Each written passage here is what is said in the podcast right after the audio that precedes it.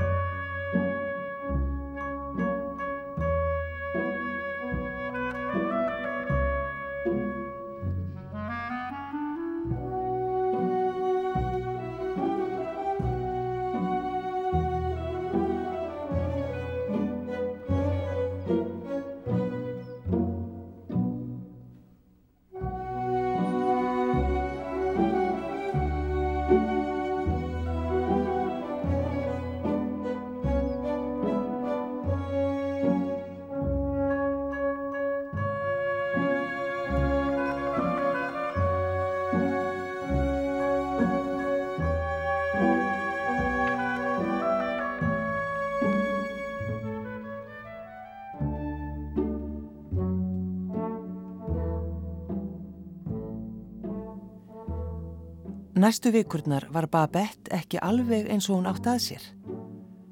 En dag nokkur í desember tilkynnti hún frökununum sínum Sigri Rósandi að vörurnar hefðu blessunarlega náð til Kristjaníu þar sem þeim hefði verið umskipað og að þær myndu koma til Berlevóks daginn eftir. Hún hefði, bætt hún við, ráðið sér gamlan mann með hjólbörur til að aka þeim frá höfnunni upp að húsinu. Já, en hvaða vörur, Babette? spurðu sýsturnar. Hvaða vörur með stam, endur tók Babette. Vörurnar vegna afmælisverðarins. Þær höfðu, herran veri lofaður, allar náð í góðu ásynkomulagi frá París.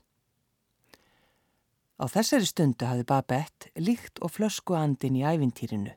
Þanist svo út að frökuninum hennar fannst þær verða óskup smáar í samanburði við hana. Þær sáu í anda hinn ekta franska málsverð færast nær. Fyrirtæki af ófyrir sjáanleiri gerð og umfangi. En þær höfðu aldrei á æfinni gengið á bak orða sinna. Þær urðu sem sannkristnar manneskjur að gleima sjálfum sér og taka því sem gegnum hendur eldabusku þeirra kynna að koma yfir þær. Þó varð Martína Dolfallin, er hún daginn eftir, sá börum fullum af flöskum rúlað inn í eldúsið. Hún snerti flöskunnar tveimur fingurum og lifti að lokum einni þeirra upp. Hvað er í þessari flöskubabett? spurði hún Eva blandin. Það er þó ekki vín. Vín, madam, rópaði Babett. Nei, madam, þetta er Glosvugó 1846. Eftir stundarþögn bætti hún við frá Filip í Rýmont Orgei. Martína hafði aldrei heyrt að vín getur borið nöfn. Hún þagði. Seintum kvöldið var dyrabjöllinni ringt og þegar Martína lauk upp stóð hún enn frammi fyrir hjólburunum að þessu sinni ekið af rauðhærðum léttadreng eins og gamli maðurinn væri þegar upp slitinn. Drengurinn brosti til hennar og lifti upp stórum hlut sem ekki var gott að sjá hvað var. Í lampaskinninu líktist hann eins konar dökgrænum hnullungi. En þegar hann hafi verið lagður á eldurskólfið, skaut skindilega út slönguhöfði sem hreyfðist til hliðana sitt á hvað. Martína hafði sér myndir af skjálpökum og hafði meira að segja sjálf átt skjálpöku sem barn. En þessi var tröllaugin og hræðileg á að líta. Martína gekk aftur á bakk og steinþegjandi út úr eldúsinu.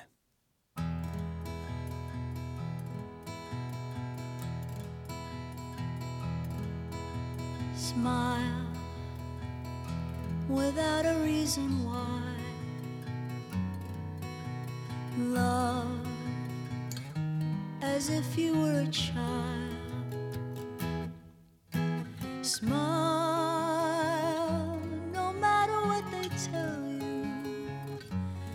listen to a word they say, cause life is beautiful that way. Tears, a tidal wave of tears.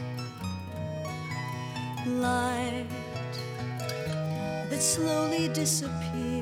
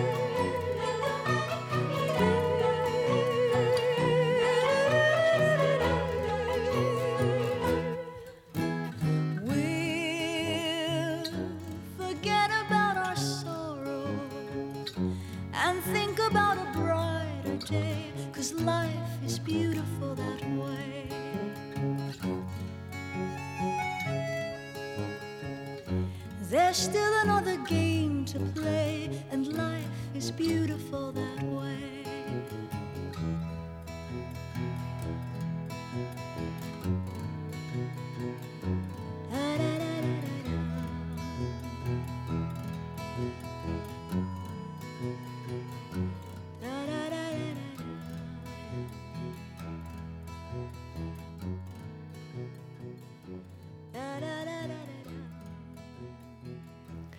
Matgæðingur þáttarins er Gunnar Guðbjörnsson, tenorsöngari. Takk fyrir að koma.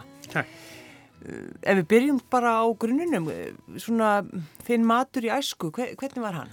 Já, það er náttúrulega þessi hefbundi mömmu matur en, en svona, maður fekk náttúrulega svona mest að borða hjá mömmu þetta, svo gengur en ég var nú svo óheppin að missa pappa þegar ég var bara 15 ára og mamma þurfti þá náttúrulega að vinna mikið utan heimilis, við vorum með hænsnabúti á Altanesi, þannig að oft þegar maður kom úr skólanum þá var, þá var það fyrsta sem maður þurfti að gera var að gera sér eitthvað sjálfur. Hún var ekki alltaf til staðar.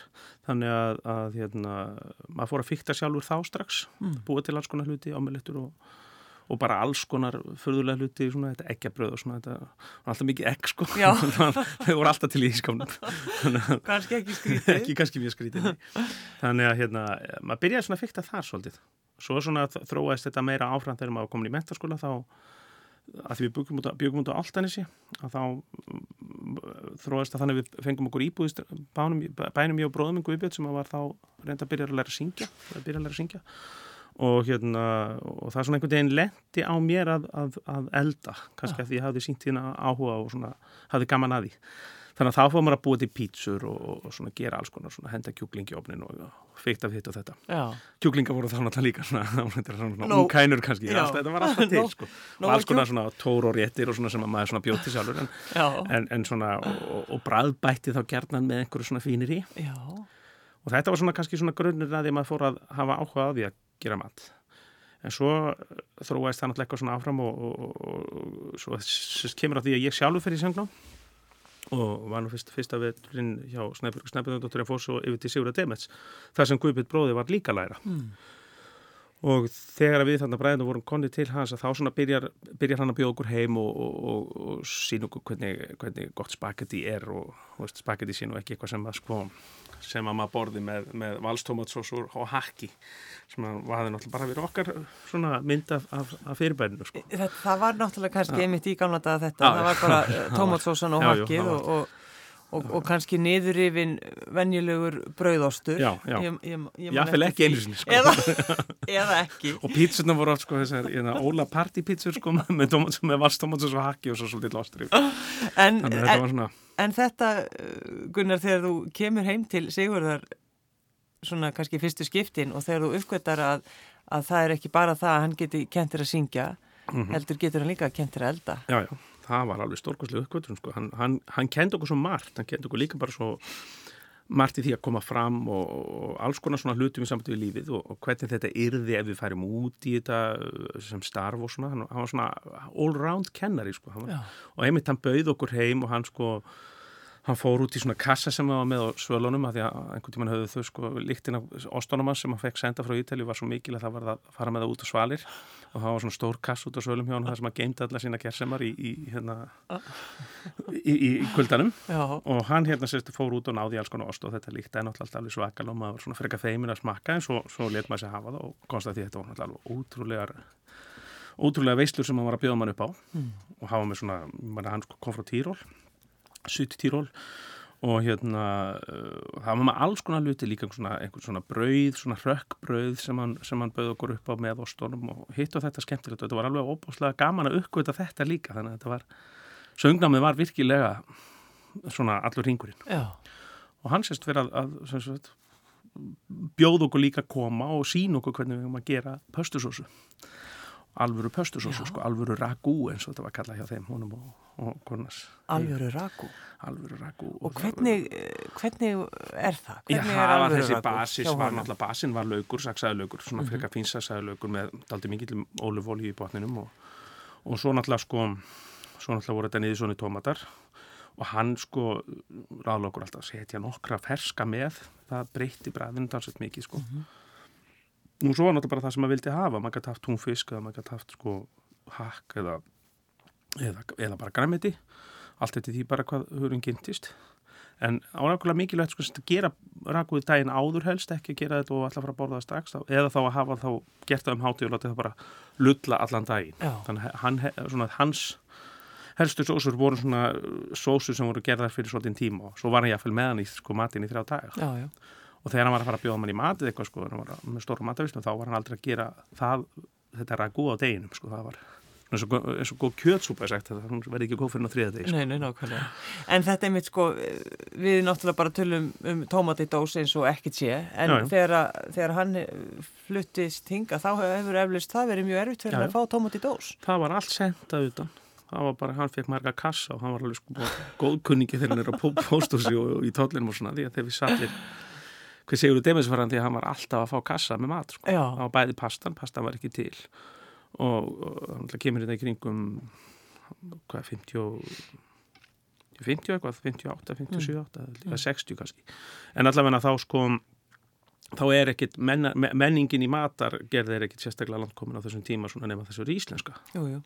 dönsku kannski, Já, en þessi svona su suður-európska hefð var náttúrulega óþægt þannig hann, jú, jú, þetta þetta var það sem svona, hann hafði upplifað sko. manstu, manstu lyktina inni hjá honum þegar hann var búin að láta hann að matla? Svona mikil kvítlaugur alltaf sko Já. hann reyndar hægt að segja það með Demma sko, hann, hann hafði ofurtrú á kvítlaugnum sem svona líka lækningamætans og, og hérna hann var sem sagt maður vissi alltaf hvenar Demmi var veikur því að við, hann kendi upp á fjórðahæð í, í hérna, húsnæðu Grensisvein þar sem nýji tónskóli var og það voru efstu hæð sem að, sem að stofanas var. Og þegar maður opnaði dyrnar á húsinu niðri áður maður lappaði upp fjórar hæðir að þá fann maður kvítisleiktina þegar hann var byrjaður það var, alveg, það var svo sterk að, að hérna, og, og hann sko hafa maður sko aðferðið sem maður kannski ekki heldur við í, í hérna, maturislega þætti svona til þess að til þess að lækna sig. En þetta hefur haft áhrif á ykkur bræður, Gunnar, Já, já. að sjálfsögðu. Og, og hérna alltaf, alltaf indislegt einmitt að kynast svona fólki á lífsleðinni sem að skilur Já. eitthvað eftir sig. já, já. Þú hlustar á hann segja þér hvað þarf að varast þegar maður fyrir útlanda og, og það sem þú þarfst að fara Mhm. að, að gera og, þetta er náttúrulega kannski erfitt og allt þetta. En hvert, hvert ferðu svo, hvert flytur út? Já, ég byrjaði að fara eitt á til Berlínar og hérna þar var nú kannski svona meira verið að bara reyna að lifa af Ég man að sko, maður var að búa til mat úr, úr hérna, kjúklinga, hérna, ekki bringum, heldur kjúklinga, hérna, ríkjum. Já.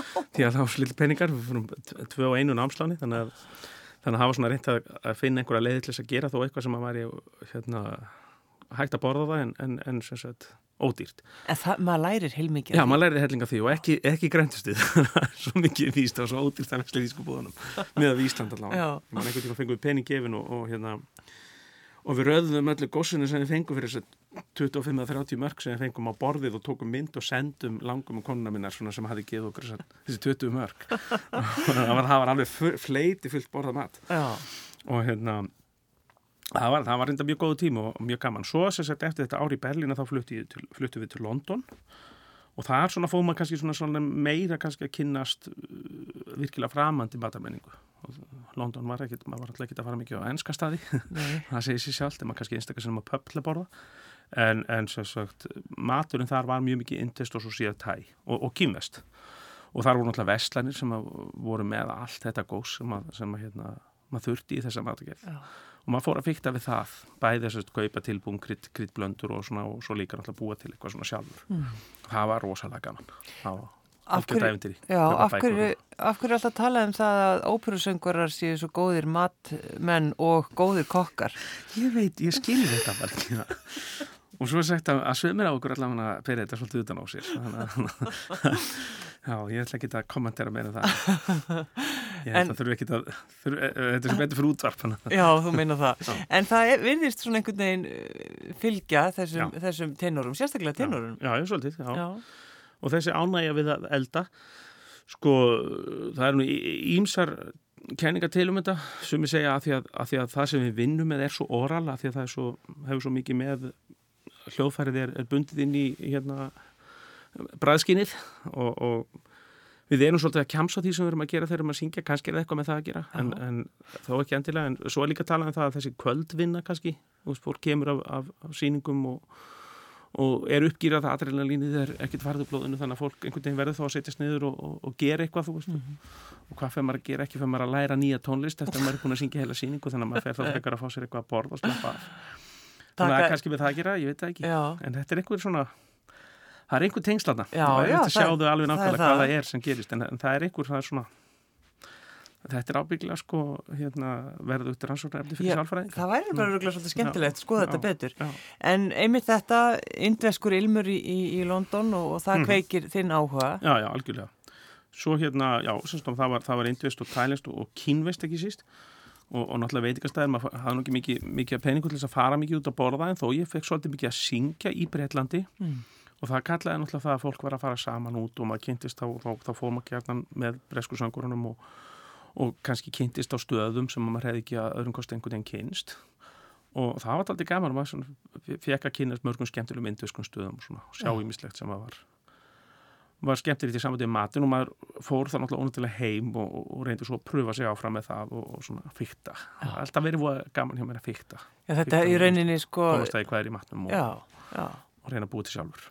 Þannig að það er rauninni sko grunnurinn hjá þér Gunnar, það eru eggin og altanesið Já, og, og, hérna. sko. og það er bara Það það sem hænan. hefur, já og hænan, það er bara það sem hefur Já, já. gert því að þeim hérna, matgeðingi sem þú ert í dag. Já, hugsalega sko. Já, Og svo, svo, svo fylgdu eftir þetta svona, líka aðri staðir sem ég fór til. Ég fór til Vísbatin, þar var hún svona meira svona traditional eldhús í, í Þískalandi og, og kannski einhver, ég læriði kannski einhver sérstaklega stór kunstir þar en, en, en eftir fjögur ár þar þá fluttum við til Lyon í Fraklandi og þar var eiginlega sko, ætla það hafi ekki náð svona kannski mörguleiti hámarki þessi svona e- þessi magiðinsk hátur á mér Mm.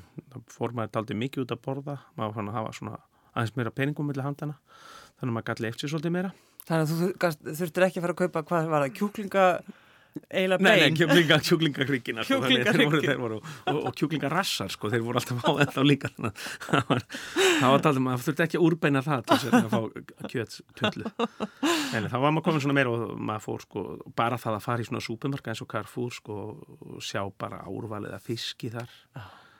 Þetta er alveg fáránlegt sko. Krabbar og ferskar rækjur og, og ferskur lags nýbúa fljúin frá Nóri og allt, þú veist, bara allt til. Já, og ostrur, maður var til að fara að borða ostrur. Og, og svo var maður alltaf að syngja í París líka eitthvað með og svona þannig að maður var alltaf að maður var alltaf, þú veist, að, að fara út og, og þú veist, að gáðast mörg tækifæri, svo bættist Ítalið við þar var ég líka daldi þannig að, að sko maður held áfram þá svolítið emma, hérna, legendinni sko. Já, já. Það byrjaði, Þannig að- Já, að... svo Spáni, ég var líka, líka daldi á Spáni, Madrid og, og, og hér og þar þar. Já, þannig að maður fekk sér ímist tækifæri til þess að svona fykta sig áfram og fatta svona hitt og þetta í sambundið matakirna sem maður svona En eins og til dæmis ef við stoppum aftur við, við Líón, það er náttúrulega svolítið líka þessi svona arabíska Já, svolítið, það hef ég gert hefur líka. svolítið áhrif. einmitt, það er Hvernig, hvernig, hvernig var það fyrir þig? Hvernig, Við vorum, við vorum með þess að maður fór náttúrulega, sko, frakkandi þeir bjóðangjarnan upp á þetta átla með stöðunum sínum, sko, á fransku stöðunum þá er kúskus bara hluti af menjunum Mhm. eins og hjá Pól Bókýslumis á, á litlu stöðunum, með nokkra þrjáða fjóra staði í Líón, sem er ekki sérstaklega dýri staðir, hann er með dýran fyrir utanborgin en, en svo er hann með staði inn í borginni sem er ekkit svona neitt, neitt óviðráðanlegir í, í sko verði. Og þar er einn bara stað, var eitt staður sem var meir og minna bara með arabískan mat. Og þetta náttúrulega lærði maður þá. Og svo fór maður náttúrulega á arabísku staðinu líka. Og svo voru svo heppin að, að bara svona 500 metra frá þar sem við byggum var, var búð sem hétt Bahadurian var í óbáslegu uppaldi hjá okkur, var bæði með sérst alveg frábært græmiti og, og alls konar sérst svona framandi hluti sem ekki kannski fengust út á markaðin til það þannig að, að hérna, og kryttin voru náttúrulega alveg spes alveg þú veist, það sem að það sem að maður uh, getur keift krytti í lausu bara fengið í póka sko. Það er eitthvað við það. Nýmalað, Já, það er eitthvað við það. Það er eitthvað við það. Og náttúrulega ólífu, sko, ólífu bar sko, þannig að þetta var svona Já. það var virkilega gaman og svo hinum einn sko, hinn áttina þar var, var markaðurinn við, við, við hérna við són þannig að þetta var svona Þetta er bara mjög erfitt. þetta var daldið erfitt sko. Þetta var daldið erfitt fyrir fólk sem að fannst gott að borða. En það var þó kostur við, við svona borg eins og Líón er það að það var svo mikið að græmið og það var svo mikið sko og salatið var allir með bara ég tek alltaf salati sem dæmi að það er stór munur á salati og salati sko og salatið í Líón var bara þannig að, að hérna, það var bara máltíð sko að Já. fá sér gott salat bara nokkra góða tomatótaða og og, og svona smá ástekjubrauð og þá var bara það kom máltíð sko, Já. með góðri, góðri salatsósu. Það er náttúrulega bara þetta að býta í gott salat, það Já, er, já, getur Já. veitt okkur mikla gleði. Og ekki það maður sín þetta dissa bónus sko, en, Nei, nei, en, erum ekkert að því. en, en það eru þetta ekki kannski alveg sömu gæðin og voru þarna á markanum sko. Nei. Það, það getur ekki neita því. Það finnum maður allir mun. Já, en þetta að uh, flytja svona á milli landa, vinna fyrir sér sem söngvarikunar, uh, varstu einhver tíman á þessu tímabili sko þreyttur á svona lífi? Já, já, já, já. Mjög þreyttur oft sko. Já, og, og ég tala nú ekki um það ég uh, gerði nú svona það, það var nú svona svolítið, svolítið vatnaskil hjá mér fyrir einhvern fjórum mánu síðan í ferlinum, þá fór ég svona aftur að syngja á minnihúsum að því ég skipt um fag ég, ég hafði sungið lýriskan tenor í, í einhver 17-18 ár og fór svo yfir í hetjutenorfæð að syngja Vagnar og annað og, og þá uh, sukku launin og maður hætti að geta lýst sér þennan luxus uh, samanmagni og, og hérna en af hverju, og af hverju er það? út að borða og svona. Já, það var bara aldurinn sko. Það var bara aldurinn og svo, svo hefur þetta bara reyndist þetta bara allt og fjárhagslega allt og erfitt. Já. Það var bara að fara niður í rauninni það að vera fastráðin í, í svona miðlungs eða sma- frekar litlu hús í Þýskalandi á mánaðalaunum og reyna að búa tveimur stöðum, það var bara ómulegt, það var bara gekk ekki upp. Þannig að þá var nú, kom sér nú vel að geta eldað því að hérna, ég þurfti alltaf að grípa til þess þegar ég var, þegar ég var þarna úti og, og bara í einhverju lítilli svona frekar illa útbúinni íbúð til, til matargerðar. Þá þurfti maður ofta að vera mjög útsjónasamur Já, en í mittitíðin er bjóð ég reynda líka sko, eftir Líón þá bjóð ég í fjögur ár lí- líka í, í Berlín. Og þar heldur svona þetta áfram sem sagt þessi þetta kulinarísi hérna, ferðalag sem að ég er búin að vera á þessi 25 ára til 80 ár sem að ég er búin að vera síðan byrjaði að elda. Já, þannig að, að það var afskaplega gaman. Hvað- það fór maður að bæta við sér sushi og alls konar svona hlutum sem að maður hefði ekki fengist við fram að því maður, þá, maður hefði fram að því einhvern veginn svona við látið sér dæja bara að fara á sushi stæði að ég hefði verið í Japan og svona en svo fór ég að búa það til sjálfur sérstaklega þegar svona strákandi mínir uh, fór að komast, komast í vits og ára og vilja, vilja fá svo leys þá, þá var það nú ekki svo auðvelt að fara með alla fjölskyldun út og borða sushi svo allir yrðu sæmilega sattir þannig að Þannig að þá var maður bara að læra það. en það er svolítið skemmtilegt að, að sjá það einmitt sko bönnin okkar og þessi, þessi, svona, þessi aldur kannski alveg frá 12 ára vilja súsi í dag. Já, já, Það svona íslensk, íslensk börn eru bara sérlega hrifin af þessu mat. Það, það, það er líka þannig svona alltaf sko ef þú eru alin upp við þetta og það er það sem allir með okkar yngsti sonur hann var, hann var allir með alin upp við það að salat væri alltaf á borðum Já.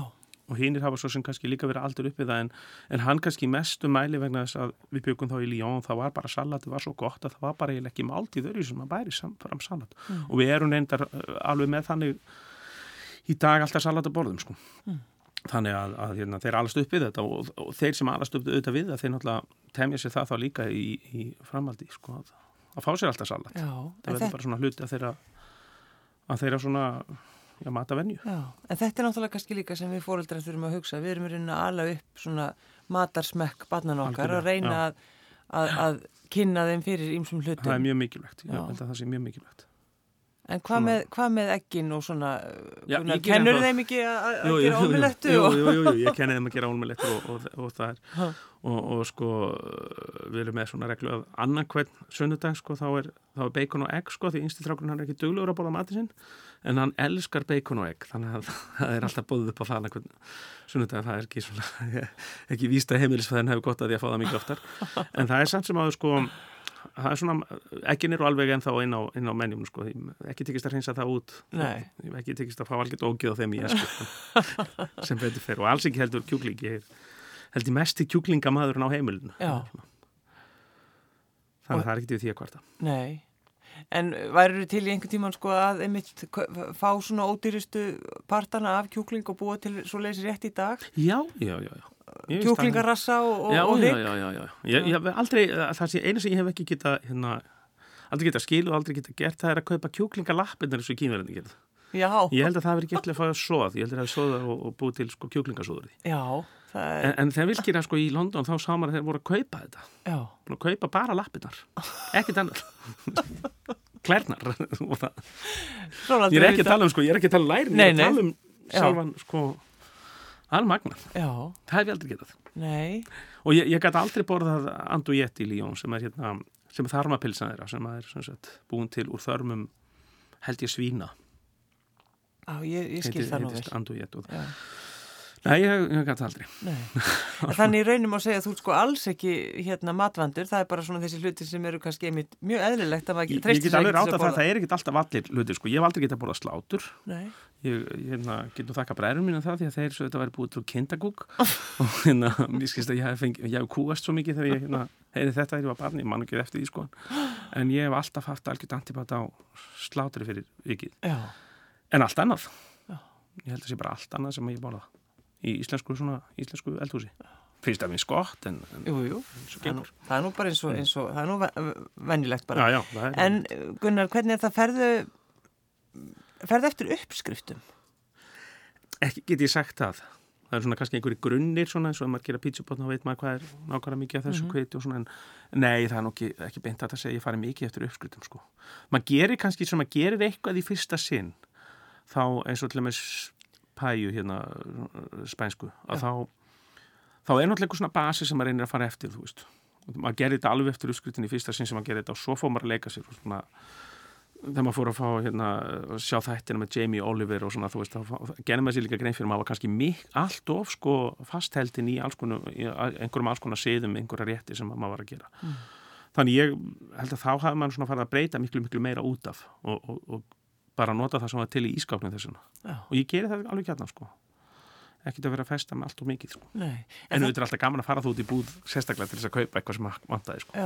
En þetta er náttúrulega kannski líka ef maður skoðar svona þinn ferilgunar að, þú býði einhverju landi og ferð og smakkar þannig mat og þá hugsa já ég er að prófa að gera hann og, og bara já, og já, já, svona reynir að vera skapandi eins og hægt er. Já, já, halgjörlega. Það, það er náttúrulega það skemmtilega við þetta. Það er að, að maturinn maður smakkist frá manni sjálfum, skilum, að, að maður hafi sett sitt bræði í hann einhvern veginn. Þetta Já. sé ekki eitthvað sem er bara alltaf eins eða að maður geti líka þá bröðið út af og pröfað einhvern veginn aðeins öðru. Í mm. kúskus og þá ger ég bæði fisk og kjöt og, og það er ekkit, það getur verið kjúklingur, það getur líka verið lambakjöt, það getur líka verið blandaði fiskur, það getur verið lúða eða það getur verið skellfiskur eða svona. Þannig að það er ekkit sko og ma maður varýra svolítið með basan í því sko, maður stundum aðeins sætari og stundum aðeins svona sterkari og heit og þetta sem maður getur legið sér með sko. Hvað með jólamatinn, Gunnar? Jólamaturinn er algjörlega bundin í hefð, allavega þessi á aðfangadagskvöld, það er alltaf hambúrgarryggur alveg svo bara, kannski alveg dead boring en, en það er bara það er ekki hægt að breyta, ég er bæði úr hambúrgarryggs fjölskyldum sko, hann er Já. hjónin, þannig að ég hugsa að það verði alveg fram að dánadærið, sko, dán- dánadærið, nema bara elli heimili bjóð ekki upp á, já þessi óholt já, já, einmitt, já, þá verður maður sjálfsagt að skipta sko, en, en, en nei, nei, það, það er það og svo er náttúrulega svona, það hangi ekki á jóladag sko, Mm. og, og svo erum við alltaf með fisk á, á annan í öðrum jólum að, Kanti vel við svona hefðir? já, mista svona suma, suma, fyrir suma hluti sko við erum kannski ekki alveg jafn fast held en á páskana en, en jólin eru mjög svona Já. eru mjög reyði í þetta sko og svo er svona yfirleitt einhvers konar svona jólifrúkúst sko á jóladag ætlamis þá við erum mjög lit með hangið getur um kvöldi sko þannig að við höfum eitthvað svona eitthvað borð halt líka í hátíðinu Eitthvað úr eggjum? Já, nei, ég held að ekki sín og yfirleitt látin látin eiga svo þessum dugum þessum hátíðistum nema bara allt páskonum var alltaf svoðin egg sko Já. alltaf svoðin egg það er alveg það tilhýrir Já. en síðan kannski þessi páska þessi hérna bacon og egg tradisjón kom sko það verði ekki gerð krafa um að hafa bacon og egg á páskonum ég veist það svona þetta, er, þetta var ekki komið í gang svona mikið á, á síðustu páskum sko Nei, nei, nei. og ekki orðið svona fast hefð sko þannig að Þannig að það gæti breyst næstu páska. Ég sendi bara e-mail og segi Já. það. Ég verða að fá að vita þetta. já, le- og heyr áhærendur sko. Já, já, já, já. En Gunnar Guðbjörnsson, tenorsöngvari, maður hefur svo sem lítið heyrt þig syngja uh, upp á síðkastið, búin að Já. vera bara í blaðmennsku. Já, ég er búin að vera bara að vinna á menningapressunni minni sem er á pressan.is. Já, Það er ég bara búin að vera að skrifa um menningu og, og er eins og hamstur og hjóli, hjóli bara að, að, að henda þeim fréttatilkynningum og öllu því sem er að gerast. Mm. og reyna að taka viðtöl og reyna að hafa efni tilbúið og reka það líka því að ég reka það sjálfur. Og hérna það er bara búið að taka meira og minna allar með tíma, ég kenni þetta aldrei líka kenni söng. Og svo var ég núna sérst að byrja aftur núna í haust aftur að syngja, ég fór til Svíþjóður og söng með Sinfónilhustin í Gautaborg núna í november og fekk tækifæri til að syngja Requiem eftir Dvorsaki fyrsta sinn. Já, já. og það var svo ofbóðslega gaman að vera aftur að syngja að ég fann svona aftur hjá mig gleðina við að syngja. Svo var ég að syngja núna í salnum núna fyrir hvað, tveimur vikum síðan með Jónas Ingemynda sinni, íslensk lög og skemmti mér alveg nákvæmlega jafnvel og í Gautaborg og hugsaði þá mér með, já, já, nú fer ég bara aftur á stað. Nú fer ég aðeins að syngja aftur. Ég, en ég veit ekki hvort ég set all, öll ekkin mín í sömu körfuna með það, ég fer ekki tendilega sko að gefa hitt upp á bátinn. En fer svona að syngja með allavega.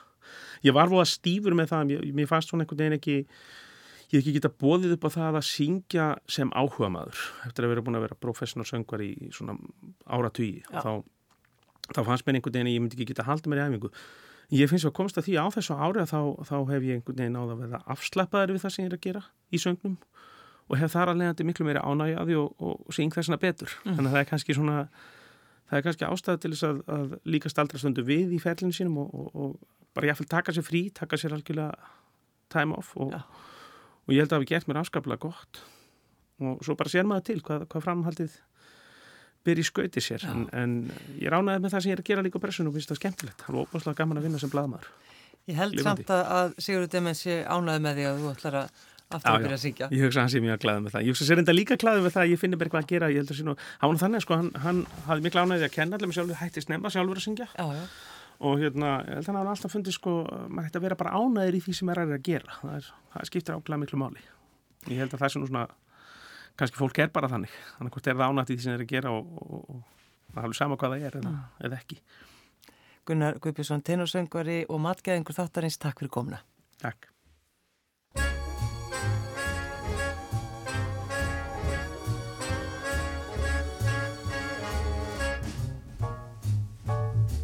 The snow is snowing and the wind it is blowing, but I can weather the storm.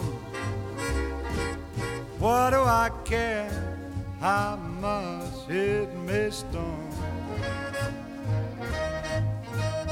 I've got my love to keep me warm. I cannot remember the worst December. Just watch those icicles fall. What do I care if icicles fall? I've got my love to keep me warm. Off with my overcoat, off with my gloves. Who needs an overcoat? I'm burning with love. My heart's on fire, and the flame grows higher. So I will weather the storm. What do I care how much it may storm? I've got my love to keep me warm.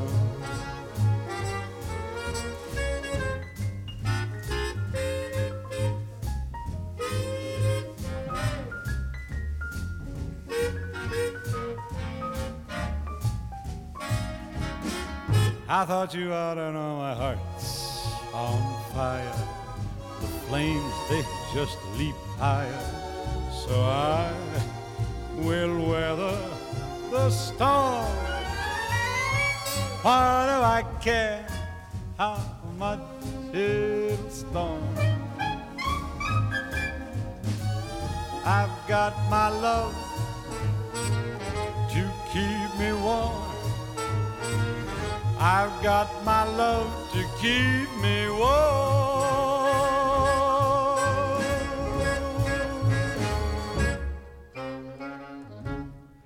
Svenni í fylgifiskum, takk fyrir að koma.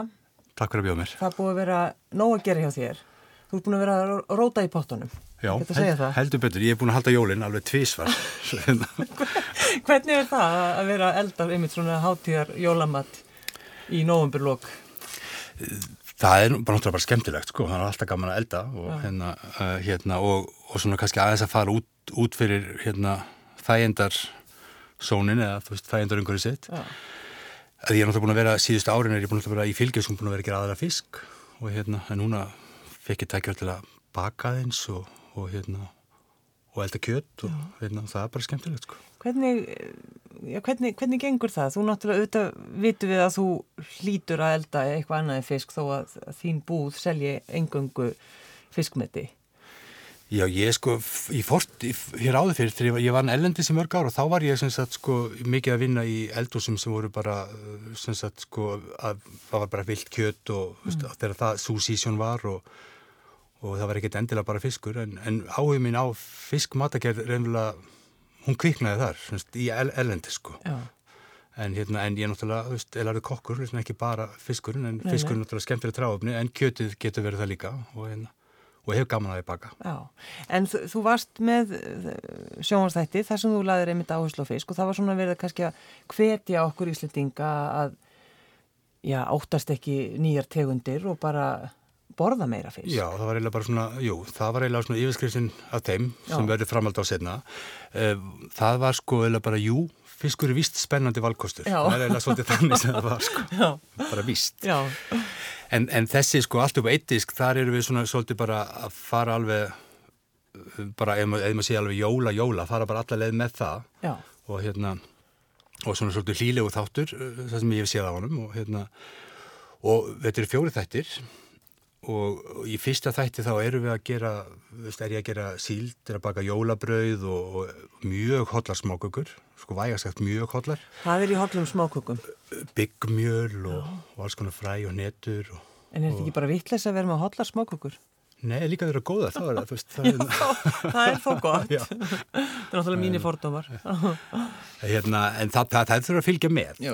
hérna, og ég, semst, ég, ég er reyndar ekkert, ég er reyndar ekkert í þáttunum að fara yfir, sko, það sem við öll erum að gera venjulega, þar segja, ég er ekki með hangikjöt og ekki með hambúrgarrygg, úps, ég er ekki með rjúpur, ég er ekki að baka mikið að smákökum og enga lagkökur og er svolítið, ég er, svona, við erum svona kannski að, við erum kannski meira sko hérna að reyna að veita einblástur í að gera eitthvað annað og það er ekki endilega það sem þú þarfst að elda á aðfangandaskvöld sjálfu heldur bara því að nú er aðvendan einhvern veginn orðin þannig að það er eiginlega bara matarhátti líka, all, öll aðvendan og þú veist, þú hittir vinið þín og borðar mikið og, og þá er líka gott að hafa stundum hotlanmat inn á milli, hefur bara mikið Já, já, já.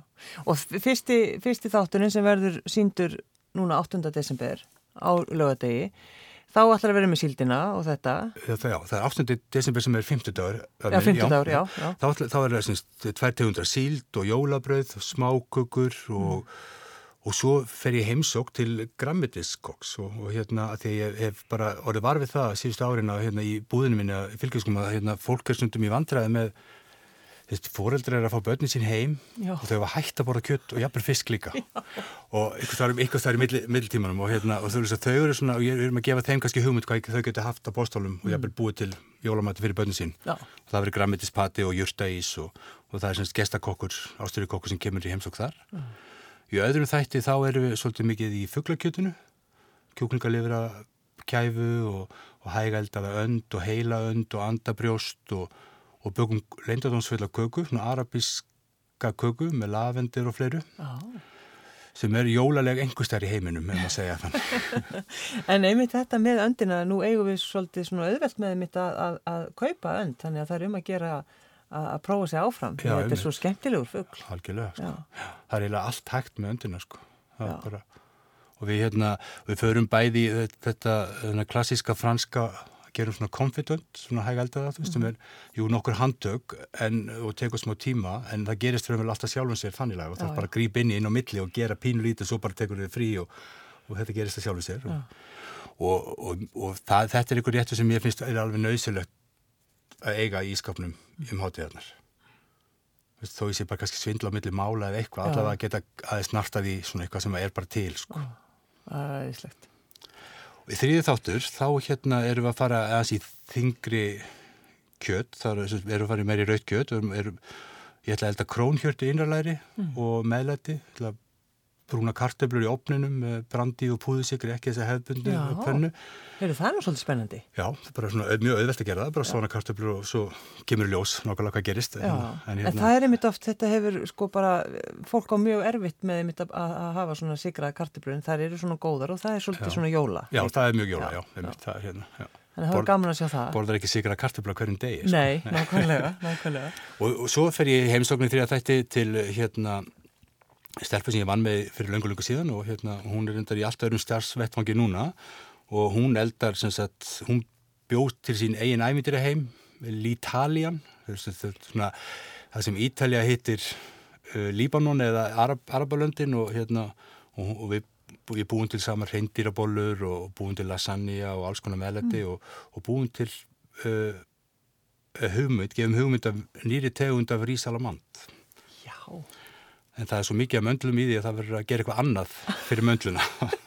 Til að því annars eru allir konum með margar möndlur. Já, það eru margar gjafir. margar gjafir sko.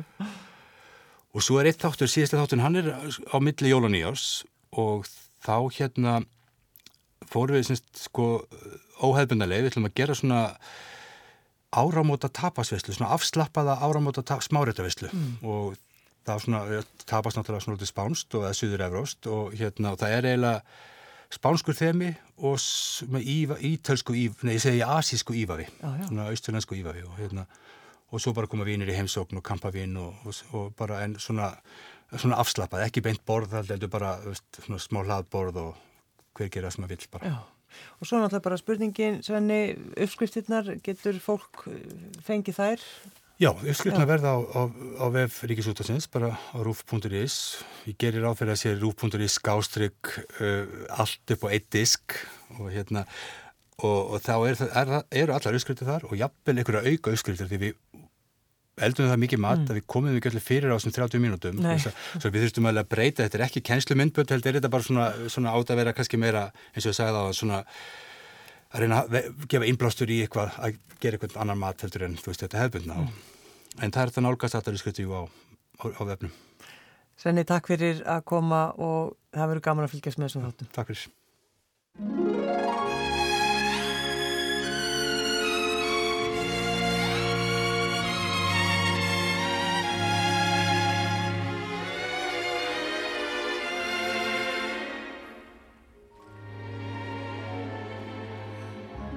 Chestnuts roasting on an open fire. Jack Frost nipping at your nose. Yuletide carols being sung by a choir, and folks dressed up like Eskimos. Everybody knows a turkey and some mistletoe will help to make the season bright. Tiny tots with their eyes all aglow will find it hard to sleep tonight. They know that Santa's on his way. He's loaded lots of toys and goodies on his sleigh. And every mother's child is gonna spy to see if reindeer really know how to fly. And so I'm offering this simple phrase to kids from 1 to 92. Although it's been said many times, many ways, Merry Christmas to you.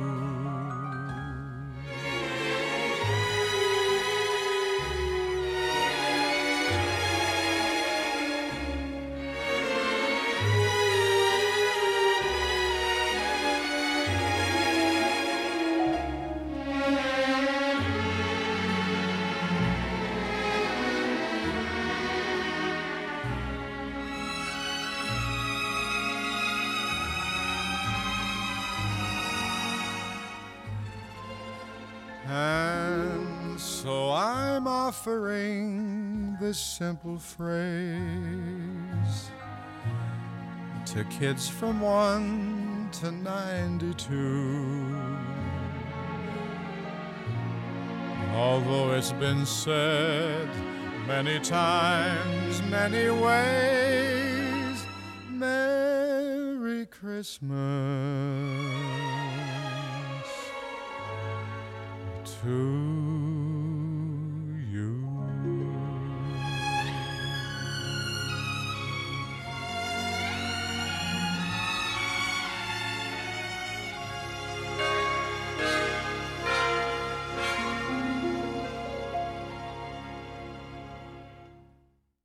Kæru hlustendur, þátturinn er á enda. Takk fyrir að hlusta og verði ykkur á góðu.